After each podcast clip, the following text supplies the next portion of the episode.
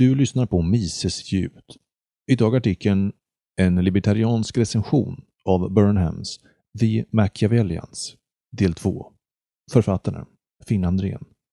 Artikeln publicerades på mises.se 20 februari 2022. Problem med demokratin. Den machiavellianska statsvetenskapen visar tydligt att modern demokrati endast är demokratisk till namnet. Ingen politisk organisation av någon betydelse kan skötas av majoriteten av dess medlemmar. Dess kaotiska upplösning skulle snabbt följa. På samma sätt kan inget samhälle styras av massorna på ett ordnat sätt eftersom pöbens styre skulle följa, eller vad grekerna kallade oklokrati i Burnhams ord. No societies are governed by the people, by a majority. All societies, including societies called democratic, are ruled by a minority. But the ruling minority always seeks to justify and legitimize its rule in part through a formula, without which the social structure would disintegrate. Alla styrande minoriteter försöker hela tiden rättfärdiga sitt styre med en viss politisk formel, för att använda Gautama Moskas uttryck. I demokratiska politiska system är denna formel själva begreppet, demokrati. Det idealiserade folkstyret är myten om representativ demokrati och legitimerar minoritetens styre i moderna demokratier.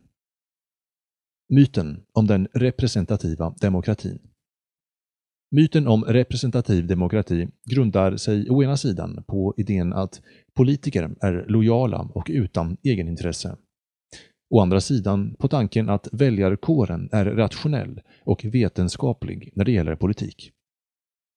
Befolkningen i moderna representativa demokratier är övertygade om att det är samhällets verkliga kollektiva styre. De tar ordet representativ bokstavligt. De tror att de själva bestämmer den politiska dagordningen för sina hedliga och pålitliga företrädare. Helt enkelt genom att lägga en valsedel i en urna vart fjärde år, eller så. Majoriteten anser att demokrati är likvärdigt med representativ demokrati eftersom de flesta människor idag håller med machiavellianerna om att varje form av direkt demokrati i en modern omgivning är praktiskt taget omöjlig, förutom på mycket liten skala. Den atenska demokratin, som ofta kritiseras för att inte vara en demokrati som omfattar alla invånare i staden, var en fungerande direkt demokrati. Just för att den inte omfattade hela den vuxna befolkningen, utan bara dess medborgare. Men i mitten av 1800-talet uppfattade de tidiga demokratiska rörelserna representativ demokrati i allmänhet inte som verkligt demokratisk, som Michaels påpekade var det först när de praktiska svårigheterna för direkt demokrati i stor skala blev uppenbart som representationsbegreppet fick legitimitet. Med tiden blev det likgiltigt med begreppet demokrati. Men godkännandet av politisk representation innebär i praktiken att man accepterar minoritetsstyre, omedvetet eller inte, vilket machiavellianerna så övertygande visade. För att upprätthålla illusionen av demokrati och bevara social stabilitet gör den styrande minoriteten regelbundet små, men strategiska eftergifter till den styrda majoriteten. Men alla viktiga politiska beslut fattas av en liten politisk och ekonomisk elit, oberoende av majoritetens önskemål och ofta även utan dess kännedom. Det bör vara uppenbart för varje skarp observatör att majoriteten i moderna demokratier knappt har något inflytande alls över utrikespolitik, försvarspolitik, penningpolitik, handelspolitik, säkerhetspolitik, invandringspolitik, hälso och sjukvårdspolitik och offentliga investeringar, till exempel innovation. Och att majoriteten i allmänhet endast har ett mindre inflytande på skattepolitiken, välfärdspolitiken, pensionspolitiken, arbetsrätten och skolan som självklara exempel räcker det att se på det helt odemokratiska sätt på vilket dagens brännande frågor hanteras av styrande eliter runt om i världen.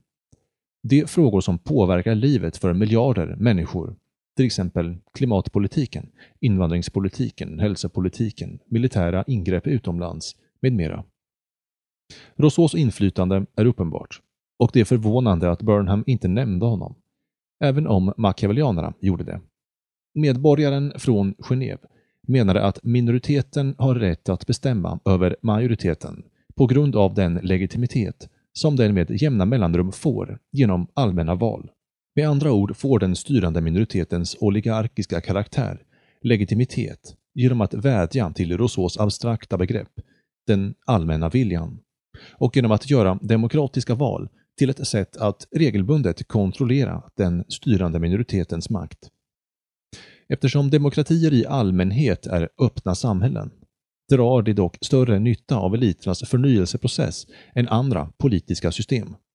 Regelbundna val på lokal, regional och nationell nivå är inte bara ett sätt för en del av den styrande minoriteten att förnyas något, utan demokratin försöker ofta se till att karriärer inom den offentliga sektorn är jämförbara med den inom privat sektor. Statens dramatiska tillväxt i de flesta demokratier under de senaste årtiondena vittnar om denna strategis framgång. Massornas ovetenskapliga syn på politik. De flesta väljare tillämpar uppenbarligen inte samma förstånd eller ägnar samma tid åt politik som de brukar åt personliga intressen. Som machiavellianerna påpekade är väljarna ofta politiskt oinsatta eftersom de inte ser något tydligt orsakssamband mellan nationell politik och sina egna liv. Deras brist på politisk förståelse beror till stor del på deras politiska likgiltighet. Men detta ointresse är rationellt. Det är en fråga om att väga ansträngning och belöning. Det är underförstått för väljarna att deras röst är en liten droppe i ett hav av valsedlar som knappast kommer att göra någon skillnad i valresultatet som Burnham skrev. It is exceedingly difficult for men to be scientific or logical about social and political problems. Till följd av detta är de flesta väljare påverkade av känslomässiga argument, vilket förklarar varför politiker, för det mesta, förhåller sig till väljarkåren på det emotiva planet. Burnham gjorde följande iakttagelser i detta avseende. The Machiavellian analysis confirmed and reconfirmed by the evidence of history, shows that the masses simply do not think scientifically about political and social aims. During the 19th century, it was thought by many that universal education would enable the masses to be scientific about politics and thereby reach a perfect democracy. This expectation has proven unfounded. In most great nations, illiteracy has been almost done away with. Nevertheless, the masses act no more scientifically today than a century or a millennium ago. In political affairs, the scientific potentialities of wider literacy have been more than counterbalanced by the new opportunities which mass education gives to non-scientific propaganda. I alla demokratiska system finns det idag ett informellt propagandanätverk av samarbetsvilliga, traditionella mediaorganisationer ofta statsfinansierade dessutom, som stödjer den styrande minoritetens ståndpunkter tillsammans med många professionella opinionsbildare.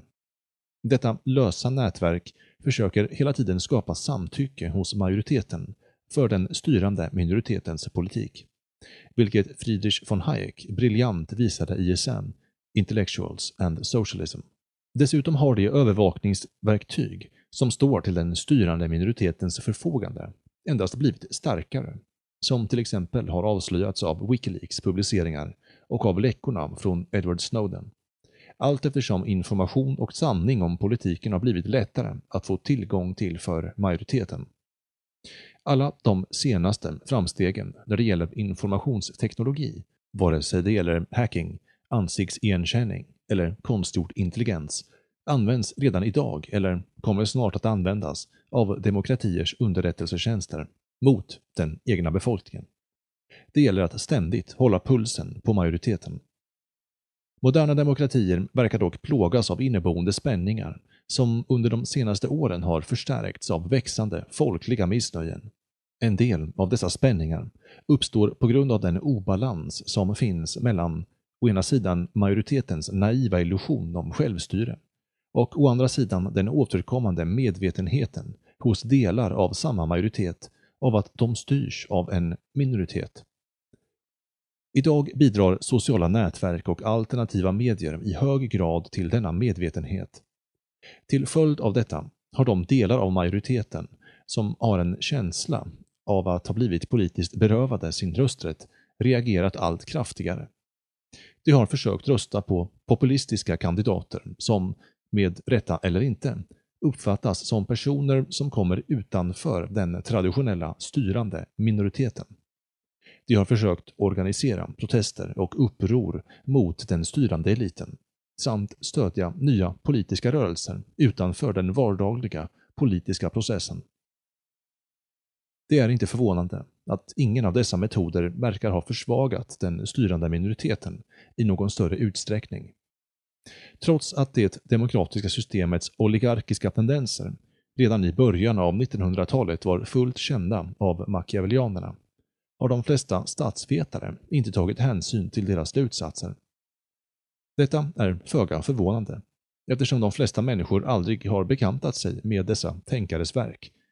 Deras namn nämns sällan, vare sig på gymnasiet eller universitetet. Varken Burnhams “The Machiavellians eller Machiavellianernas egna verk är så välkända som de borde vara. Deras böcker är till och med svåra att få tag på. Burnhams bok kom nyligen ut i en ny utgåva, men den hade tidigare inte publicerats sedan 1964. Gaetano Moscas mästerverk The Ruling Class har inte publicerats på engelska på årtionden och kan bara köpas begagnad för hundratals dollar. Robert Michaels mästerverk, Politiska partier, kan endast köpas på engelska som omtryck eftersom den inte verkar finnas någon utgåva av detta verk. Med risk för att låta konspiratorisk är bristen på tillgång på dessa verk och okunskapen om machiavellianernas idéer förmodligen ingen tillfällighet. Burnham gav en förklaring som ironiskt nog gäller även för sin egen bok. The public application of scientific method to politics is interfered with by those who are powerful. They do not want genuine political knowledge to be available, and they block freedom of inquiry whenever it threatens, as it so often threatens, to undermine their power. From the time of the Greek sophists until today, everyone who, by objective inquiry, discloses some of the truth about power has been denounced by official opinion as subversive. Dagens vanliga filtrering och censur av känsligt politiskt innehåll på internet kan förklaras i ljuset av detta. Det svåra läge som Julian Assange befinner sig i är ett tydligt exempel på den behandling som nu är förbehållen det som avslöjar en del av sanningen angående makten i skenbart demokratiska politiska system. Kan det finnas en mer eller mindre samstämmig ansträngning att begränsa kännedomen av machiavellianernas verk bland den styrande minoriteten, att dessa idéer sprids bland majoriteten?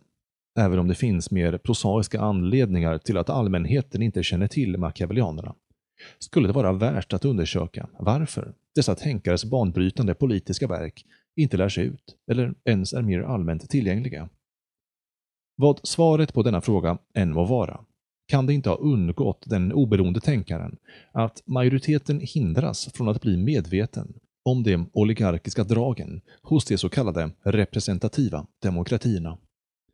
De flesta har blivit övertygade från tidig ålder att tro på myten om demokrati. Skälet till detta är utan tvekan att det största hotet mot den styrande minoriteten, som Burnham påpekade, är majoritetens anammande av den vetenskapliga metoden för politisk analys. En viktig lärdom från machiavellianerna är därför att individen bör visa skepticism inför den politiska makten, även i en så kallad demokrati. Myten om demokrati finns just för att majoriteten ska förbli nöjd med att inte vara inblandad i nationens politiska angelägenheter, utöver regelbundna besök till vallokalerna. Auktoritära tendensen hos demokratier. De oligarkiska drag som återfinns i alla politiska system förklarar varför de verkställande och lagstiftande grenarnas agerande i en demokrati ofta starkt skiljer sig från det politiska program som de valdes på. Detta demokratiska underskott är särskilt tydligt i det politiska livet idag, Det är svårt att förneka sanningen i följande mening från Burnham. The rulers are no longer personally accountable for their actions. They may go to war, persecute, steal, violate freedoms, fail to prepare for social or military crisis, and yet never be brought to task for whatever crime or failure. They have only, they say, carried out the people's will. Folkomröstningen är ett exempel där moderna demokratier visar stora brister. Den används ofta för att ge legitimitet åt politiska beslut som redan har fattats av den styrande eliten, utan befolkningens inblandning eller samtycke. Som Burnham skrev, “The most conspicuous use of the referendum is where the vote attaches the fiction of the popular will to what has already been decided in historical fact. I allmänhet säkrar den styrande minoriteten det önskade valresultatet i förväg. Om folkomröstning ändå inte går som var tänkt ignorerar det vanligtvis resultatet, eller så upprepas omröstningen. Det finns många exempel i Europa när detta har hänt, och i Sverige är folkomröstningar inte ens bindande. Problemet med representativ demokrati jämfört med andra politiska system är alltså att de inte företräder folket. Inget politiskt system gör det, utan att det betraktas som ett legitimt politiskt system, så tillvida att till och med många uppenbart icke-demokratiska regimer tillförde demokratisk till sina officiella namn. Hur mycket de styrande minoriteterna än försöker dölja det, är det uppenbart att moderna demokratier inte kan uppfylla det utopiska löftet om folkets styre. Demokratins legitimitetskris förvärras naturligtvis också av andra välkända utmaningar för begreppet folkstyre, som inte direkt har att göra med den machiavellianska statsvetenskapen, som till exempel majoritetsförtryck och en hel rad andra svårigheter. De inneboende problemen med representativ demokrati bidrar till att förklara de politiska spänningar och den sociala instabilitet som upplevs i den moderna demokratin. I sitt avslutande kapitel föreslog Burnham en lösning på detta dilemma för det demokratiska systemet. I nästa del av denna recension kommer denna lösning att genomgås och jämföras med libertarianismens förslag.